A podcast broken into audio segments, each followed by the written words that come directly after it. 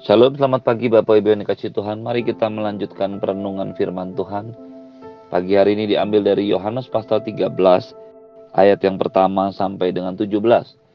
Yohanes pasal 13 ayat yang pertama sampai dengan 17. Yesus membasuh kaki murid-muridnya. Sementara itu, sebelum hari raya Paskah dimulai, Yesus telah tahu bahwa saatnya sudah tiba untuk beralih dari dunia ini kepada Bapa sama seperti ia senantiasa mengasihi murid-muridnya. Demikianlah sekarang ia mengasihi mereka sampai kepada kesudahannya.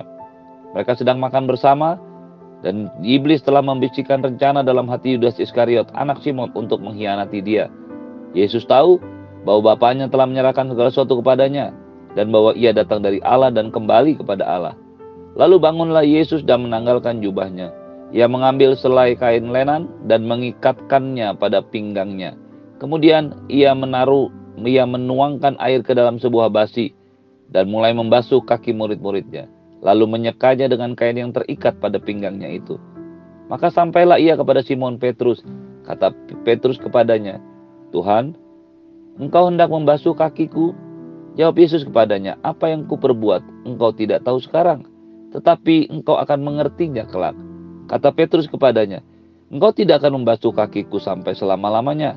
Jawab Yesus, Jikalau aku tidak membasuh engkau, engkau tidak mendapat bagian dalam aku. Kata Simon Petrus kepadanya, Tuhan, jangan hanya kakiku saja, tetapi juga tangan dan kepalaku.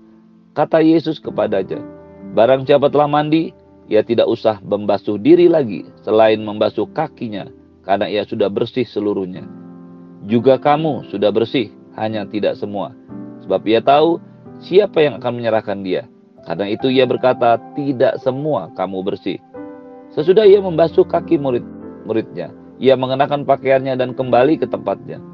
Lalu ia berkata kepada mereka, Mengertikah kamu apa yang kuperbuat bagimu? Kamu menyebut aku guru dan Tuhan, dan katamu itu tepat, sebab memang akulah guru dan Tuhan. Jadi, jikalau aku membasuh kakimu, aku yang adalah Tuhan dan gurumu, maka kamu pun wajib saling membasuh kakimu. Sebab aku telah memberikan satu teladan kepada kamu, supaya kamu juga berbuat sama seperti yang telah kuperbuat kepadamu. Aku berkata kepadamu, sesungguhnya seorang hamba tidaklah lebih tinggi dari tuannya, ataupun seorang utusan daripada dia yang mengutusnya. Jikalau kamu tahu semuanya ini, maka berbahagialah kamu jika kamu melakukannya. Bapak Ibu yang dikasih Tuhan, mulai dari pasal 13 ini, kita akan membaca pengajaran khusus Yesus Tuhan kita kepada murid-muridnya. Memang sebelumnya dia selalu mengajar murid-muridnya juga. Tetapi pada saat yang bersamaan dia juga mengajar orang banyak. Tetapi dalam pasal-pasal 13 dan seterusnya, kita akan membaca sebuah pengajaran khusus dari Tuhan Yesus kepada murid-muridnya ini menjadi sebuah catatan penting yang pertama dalam hidup kita. Yang pertama, ada hal-hal yang memang hanya secara khusus disampaikan oleh Tuhan Yesus kepada murid-muridnya. Mengapa? Karena murid-muridnya lah yang akan melanjutkan pekerjaannya, memberitakan Injil ke seluruh dunia. Itu sebabnya kepada murid-muridnya sajalah dipersiapkan secara khusus kehidupan mereka, pengajaran mereka, pengalaman rohani mereka. Inilah yang secara khusus diajarkan murid Tuhan Yesus kepada murid-muridnya. Jadi, jika kita mengerti ini, maka keputusan untuk menjadi murid Tuhan, keputusan untuk memutuskan mengikut Tuhan dan menjadi muridnya, merupakan sebuah keputusan yang sangat luar biasa dalam hidup ini.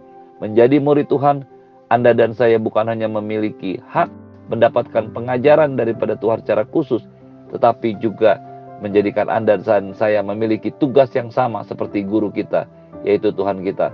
Pastikan Anda dan saya dalam hidup ini bukan hanya sekedar menjadi pengikut Tuhan, tetapi menjadi murid Tuhan. Dan seorang murid akan selalu berada di mana gurunya berada. Seorang murid akan melakukan apa yang gurunya kerjakan. Bagian yang kedua yang kita bisa lihat dari firman Tuhan ini adalah Yesus tahu ayat ini dimulai dalam ayat yang pertama. Yesus tahu bahwa waktunya sudah tiba untuk dia beralih dari dunia ini kepada Bapa. Yesus tahu siapa dirinya. Dia adalah Tuhan, tapi dia juga tahu bahwa dia adalah seorang manusia.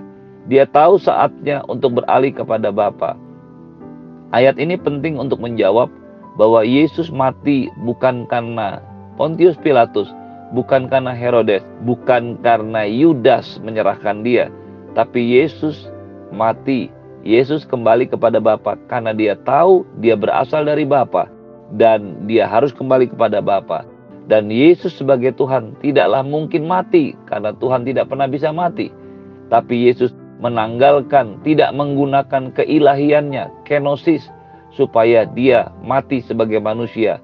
Dan tentu saja adalah hal yang biasa seorang manusia bisa mati. Dan ini menjawab beberapa keraguan, beberapa pendapat yang mengatakan bukan Yesus yang mati. Yesus tahu saatnya sudah tiba. Dialah yang menyerahkan nyawanya. Dialah yang memberikan hidupnya kepada Tuhan. Dia tahu di mana dia berasal dan dia tahu ke mana dia harus kembali. Itu sebabnya kematiannya bukanlah karena Yudas, bukanlah karena Pontius Pilatus, bukanlah karena Herodes.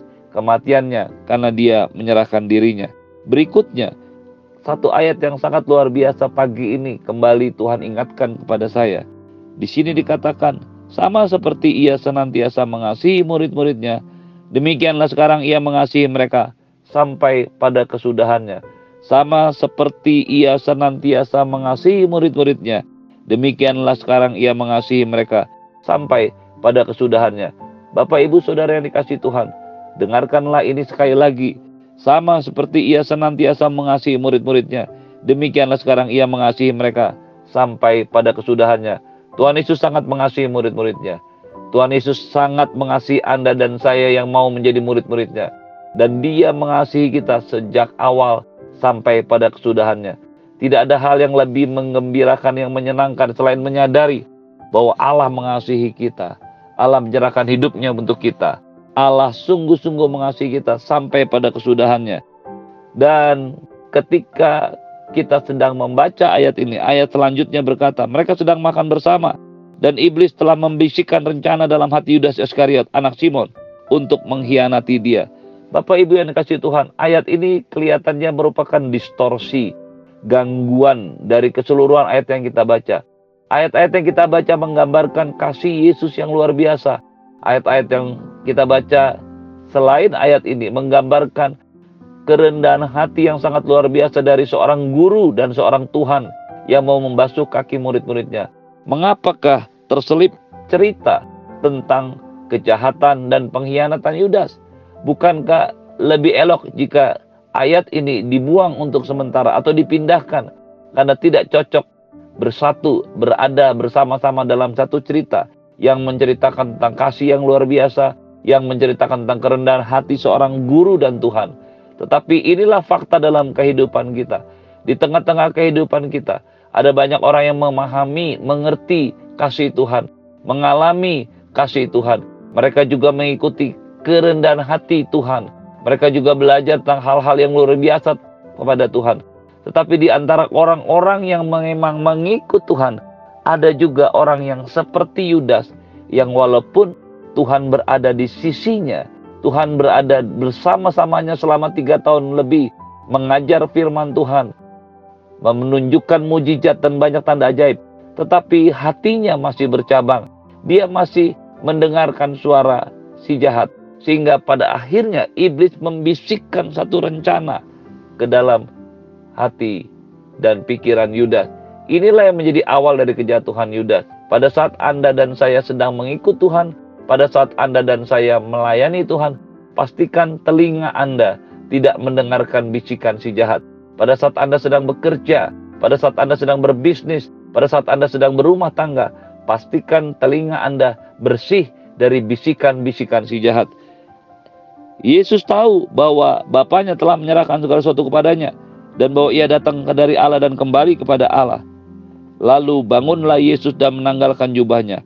Ia mengambil sehelai kain lenan dan mengikatkannya pada pinggangnya. Kemudian menuangkan air ke dalam sebuah basi dan mulai membasuh kaki murid-muridnya, menyekanya dengan kain yang terikat pada pinggangnya.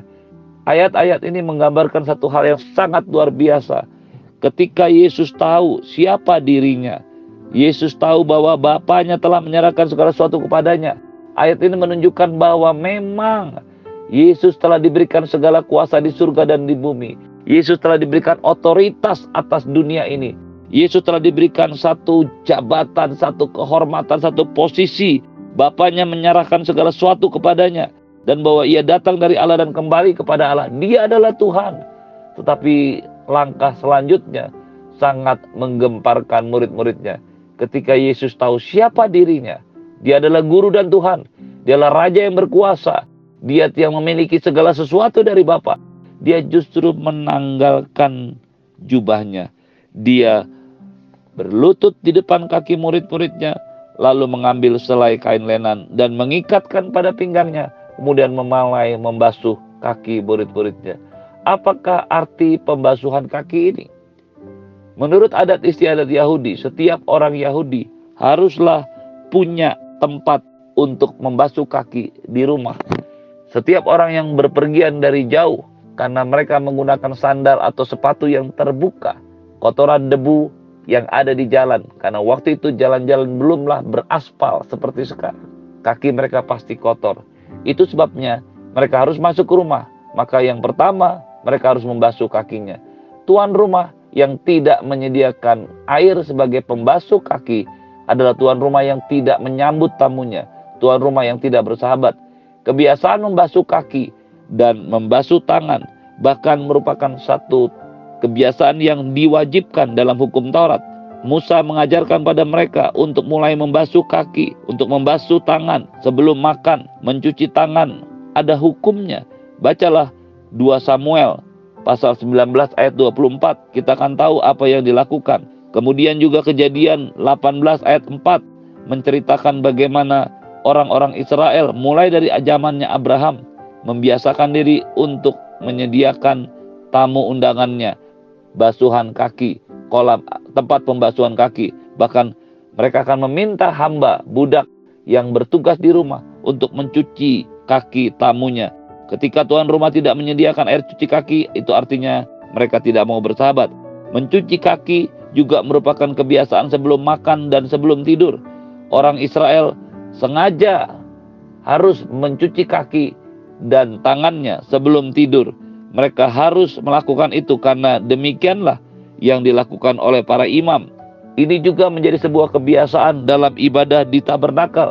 Sebelum mereka masuk ke kemah, mereka harus ada kolam pembasuhan yang ada di halaman. Jadi apa yang dilakukan Tuhan Yesus sekali lagi merupakan gambaran dari semua yang orang-orang pada zaman perjanjian lama lakukan. Orang-orang yang bahkan pada saat Yesus hidup pada waktu itu masih lakukan. Dia tidak melakukan sesuatu yang tidak ada dalam uh, Taurat. Dia tidak melakukan sesuatu yang tidak ada, tidak disebutkan dalam hukum-hukum Musa. Ketika Yesus lakukan itu, maka Yesus sedang menunjukkan kepada mereka mengapa dia perlu membasuh kaki murid-muridnya. Yang pertama, itu adalah sebuah tindakan atau kesaksian yang nyata daripada kasihnya pada mereka. Dari awal hingga akhir dia mengasihi mereka. Dan itu dia tunjukkan dengan cara membasuh kaki mereka. Yang kedua, dia memberi contoh tentang kerendahan hati. Yang ketiga, itu adalah sebuah lambang pembasuhan rohani. Dan yang keempat, teladan untuk diikuti. Apa yang Yesus lakukan?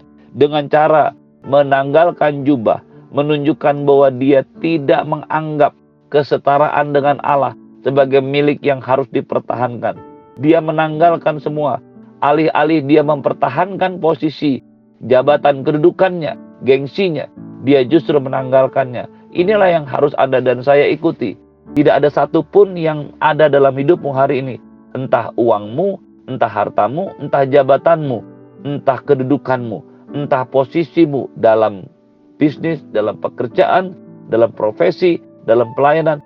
Bukanlah sesuatu yang tidak bisa ditanggalkan. Bahkan bukanlah sesuatu yang harus dipertahankan. Yesus memberikan contoh bagaimana sebagai guru dan Tuhan seperti yang dia tegaskan. Dia mengatakan kepada murid-muridnya aku perlu membasuh kakimu. Dia menanggalkan jubahnya kemudian mengambil kain lenan dan meletakkan pada pinggangnya. Bandingkanlah apa yang dilakukan oleh Abraham ketika ia memberikan atau mengambil menyelipkan kain lenan pada Hagar setelah dia menyuruh Hagar pergi dari rumahnya untuk menunjukkan bahwa Hagar adalah seorang budak. Jadi gambaran untuk membawa kain lenan, mengikatkan pada pinggang, menanggalkan pada jubah merupakan gabalan kerendahan hati. Sementara Yesus melakukan ini menjadi sebuah teladan bagi hidup Anda dan saya. Mengapa masih ada orang banyak yang mencoba mempertahankan nama baiknya, mencoba mempertahankan posisinya, mencoba membuat orang lain melihat dirinya seperti yang dia inginkan. Ikutilah apa yang Yesus ajarkan pagi hari ini. Ikutilah teladan Tuhan Yesus. Bagaimana dia menanggalkan jubahnya, membungkuk, dan kemudian melayani murid-muridnya. Guru dan Tuhan membasuh kaki murid-muridnya sebagai teladan untuk dilakukan. Dan Alkitab berkata, diberkatilah, berbahagialah jika kamu tahu dan melakukannya. Pagi hari ini, biarlah dalam hidupmu, biarlah dalam hidup kita melayani, biarlah hidup dalam semua yang Anda dan saya kerjakan. Teladan Tuhan Yesus menjadi sebuah peringatan untuk sebuah tindakan yang harus ada dan saya ikuti. Terimalah berkat yang berlimpah-limpah dari Bapa di surga, cinta kasih dari Tuhan Yesus, penyertaan yang sempurna daripada Roh Kudus, menyertai hidupmu hari ini dan sampai selama-lamanya. Di dalam nama Tuhan Yesus, semua yang percaya katakan amin. Shalom, selamat pagi, Tuhan Yesus berkati.